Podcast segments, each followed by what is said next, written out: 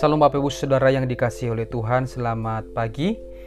Pada pagi hari ini, mari kita kembali mempersiapkan hati kita untuk merenungkan kebenaran firman Tuhan. Namun sebelum kita mendengarkan firman Tuhan, mari kita berdoa. Bapak yang baik, kami sungguh bersyukur buat kemurahan Tuhan, buat kebaikan dan pertolongan Tuhan yang begitu luar biasa kami rasakan sepanjang malam hari ini.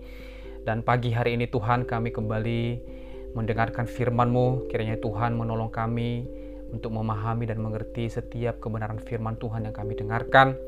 Berikan kami hikmat ya Tuhan untuk mengerti setiap firman-Mu ya Bapak. Terima kasih kami siap mendengarkan firman-Mu di dalam nama Tuhan Yesus kami berdoa. Haleluya. Amin. Bapak Ibu Saudara yang dikasihi Tuhan, mari kembali mendengarkan dan belajar bersama-sama dari firman Tuhan. Dan pagi ini kita akan uh, mendengarkan renungan dari Ayub pasal yang ke-22. Nah, kalau kita melihat dan memperhatikan Bapak Ibu Saudara, kitab Ayub ini dari pasal 1 sampai ke 21 kita sudah dengarkan dan kita sudah merenungkan bagaimana kisahnya Ayub melalui setiap persoalan penderitaan yang sedang dia alami. Uh, dia adalah Uh, sosok atau pribadi yang begitu hebat dan senantiasa dia membuktikan kesalehannya di hadapan Tuhan. Sekalipun dia sedang berada di dalam penderitaan yang begitu luar biasa, mengerikan, tetapi itu tidak pernah membatasinya untuk tetap mempertahankan imannya kepada Allah. Nah, Bapak Ibu Saudara, di tengah-tengah penderitaan yang dialami oleh Ayub, ada tiga sahabat yang datang menengok atau melihat Ayub, Bapak Ibu Saudara. Di awal mereka tiba melihat Ayub, mereka menaruh simpati. Bahkan di sana dikatakan di dalam Ayub, Bapak Ibu Saudara, di sana dikatakan bahwa selama tujuh malam, tujuh hari, tujuh malam, mereka tidak berkata apa-apa kepada Ayub. Karena mereka melihat begitu mengerikannya penderitaan yang sedang Ayub alami, Bapak Ibu. Tetapi setelah itu, Bapak Ibu Saudara, seharusnya seorang sahabat akan mendukung temannya atau mendukung sahabatnya dengan memberikan dorongan-dorongan positif, dukungan-dukungan yang positif. Tetapi berbeda dengan ketiga sahabat Ayub ini, mereka datang dengan membawa berbagai macam tuduhan-tuduhan kepada Ayub. Dan salah satunya yang akan kita belajar pada pagi hari ini yaitu Elifas yang menganjurkan Ayub untuk bertobat dari setiap dosa-dosanya yang besar. Nah, pernyataan Elifas di dalam Ayub yang ke-22 ini Bapak Ibu Saudara merupakan pernyataan-pernyataan yang memojokkan Ayub pernyataan-pernyataan yang berkata bahwa Ayub berdosa, makanya dia mengalami penderitaan. Ayub berdosa melakukan kesalahan yang besar di hadapan Allah. Oleh sebab itu dia makanya kenapa dia menderita. Dia kehilangan segala harta bendanya, anak-anaknya, kekayaannya semuanya hilang karena dosa-dosanya. Dan ini pernyataan dibuat oleh Elifas, Bapak Ibu Saudara. Nah, kalau kita perhatikan, ini adalah pernyataan yang sangat kontras atau berbanding terbalik dengan pernyataan Allah yang diucapkan di dalam pasal yang pertama dan yang kedua. Allah berkata, ya, Allah berkata kepada iblis tentang Ayub. Berkata sedemikian Bapak Ibu Saudara, apakah engkau tidak memperhatikan hambaku Ayub? Dia adalah orang yang saleh, yang jujur, takut akan Allah. Bahkan tidak ada satu orang pun yang seperti dia di muka bumi. Dan ini adalah pernyataan Allah dan pernyataan ini Allah uh, dituliskan sebanyak dua kali di dalam Ayub pasal 1 dan pasal yang kedua diulang kembali Bapak Ibu Saudara. Tetapi Elifas tiba-tiba datang dengan pernyataan-pernyataan yang memojokkan Ayub. Kamu itu berdosa seperti ini, seperti itu, makanya kamu menderita. Nah ini adalah akibat dosa-dosamu. Jadi ini adalah pernyataan yang sebenarnya tidak mendasar ya yang dilontarkan atau yang diberikan oleh Elifas kepada Ayub. Nah, kita melihat tuduhan-tuduhan apa saja ya atau pernyataan-pernyataan apa saja yang dikatakan yang diucapkan oleh Elifas kepada Ayub supaya Ayub bertobat.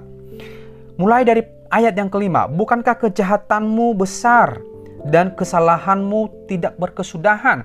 Seolah-olah Ayub ini berdosa sedemikian rupa, lalu kemudian kesalahannya itu tidak berkesudahan. Berarti sepanjang hidupnya Ayub dari dia mulai kecil sampai dia menderita itu tuh dosa Ayub itu banyak sekali dan ini adalah diucapkan oleh Elifas. Lalu dilanjutkan ke ayat yang keenam.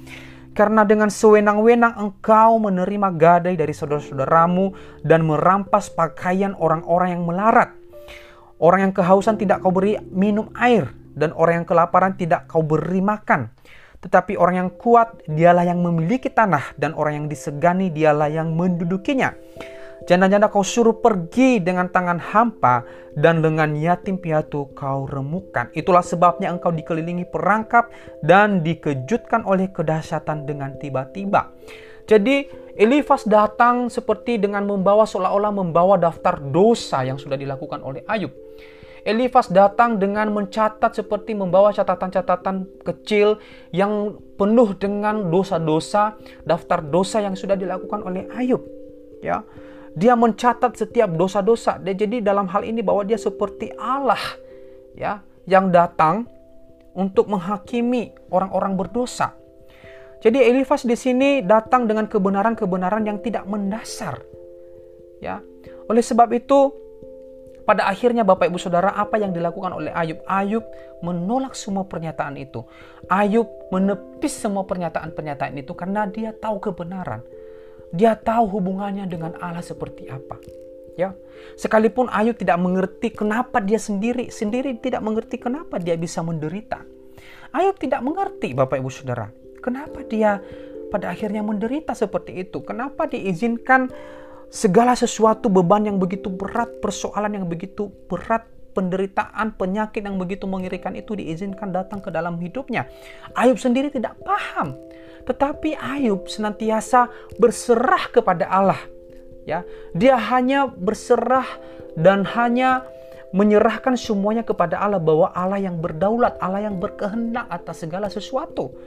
Jadi Ayub memahami bahwa ya kita tidak bisa memasukkan Allah yang besar ke dalam pikiran kita yang kecil. Oleh sebab itu, Ayub tidak bisa berbuat apa-apa. Tetapi teman-temannya, sahabat-sahabatnya berbeda. Ya, mereka datang dengan membawa masing-masing penghakiman atau hukuman atas Ayub. Ya, mereka seperti hakim yang datang dengan membawa fonisnya masing-masing terhadap Ayub, Bapak Ibu Saudara.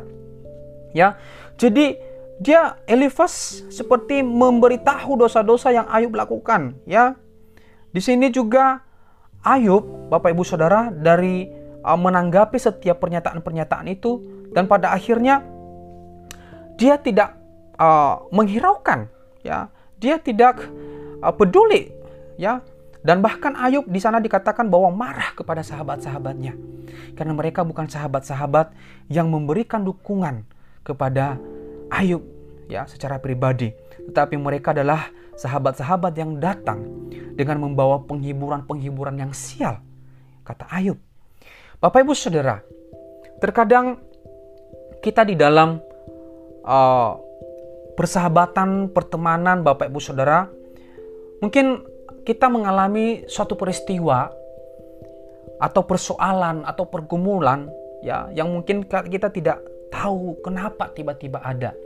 Lalu kemudian terkadang banyak teman-teman kita yang bawa uh, dukungan yang datang memberikan dorongan, dukungan positif. Lalu ada pula teman-teman atau sahabat-sahabat atau orang lain yang datang dengan membawa tuduhan-tuduhan.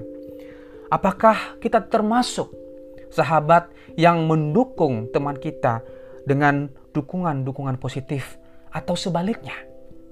Bapak Ibu Saudara yang dikasih oleh Tuhan, jika kita tidak mengenal akar persoalan ya dari apa permasalahan yang sedang dihadapi oleh saudara-saudara kita, maka kita jangan pernah datang menjadi seorang hakim yang memojokkan mereka, yang memberikan tuduhan-tuduhan yang tidak mendasar kepada mereka. Tetapi marilah kita menjadi orang yang senantiasa memposisikan diri kita ya sebagai seorang sahabat yang ikut merasakan apa yang sedang sahabat kita rasakan. Mari kita bukan hanya bersimpati, tetapi kita tunjukkan empati kita kepada mereka. Ya. Karena di saat-saat seperti itu, di saat-saat orang yang sedang ada di dalam pergumulan, ada di dalam persoalan, ada di dalam duka, mereka sangat membutuhkan yang namanya dukungan Bapak Ibu Saudara. Oleh sebab itu mari kita menjadi orang-orang atau sahabat-sahabat yang baik. Bukan seperti sahabat-sahabatnya Ayub, bukan seperti Elifas ya, yang datang dengan menghakimi. Tetapi mari kita datang dengan mendukung, mendoakan dan mendorong mereka bahwa di dalam segala peristiwa yang kita alami, di dalam setiap pergumulan yang kita alami, maka Allah yang berdaulat ya, di atas semuanya itu Allah yang berdaulat. Oleh sebab itu bahkan mungkin kita sendiri yang akan mengalami persoalan itu Bapak Ibu Saudara. Mari kita mengambil posisi atau sikap seperti Ayub. Ya. Dia adalah pada akhir hidupnya dia membuktikan dia menjadi orang yang saleh. Dia menjadi orang yang tetap bertahan bertahan di dalam imannya sekalipun dari awal sampai akhir ya bahkan sahabat-sahabatnya ya tidak menghiraukannya tetapi dia tetap mempertahankan imannya kepada Allah dan sampai pada akhirnya Allah memulihkan keadaan Ayub berlipat kali ganda. Bapak Ibu Saudara, mari kita merenungkan firman ini. Jika engkau ada di dalam persoalan, jangan menjadi pribadi yang menyerah, tetapi jadilah pribadi yang berserah kepada pertolongan Tuhan, berserah kepada kedaulatan Allah, sebab di dalam uh, posisi kita berserah, maka tangan Allah akan datang, akan hadir, menolong dan menguatkan kita. Kiranya firman Tuhan pada pagi hari ini menguatkan kita, memberikan kita uh, kekuatan yang baru di dalam menjalani hari-hari kita. Tuhan Yesus memberkati.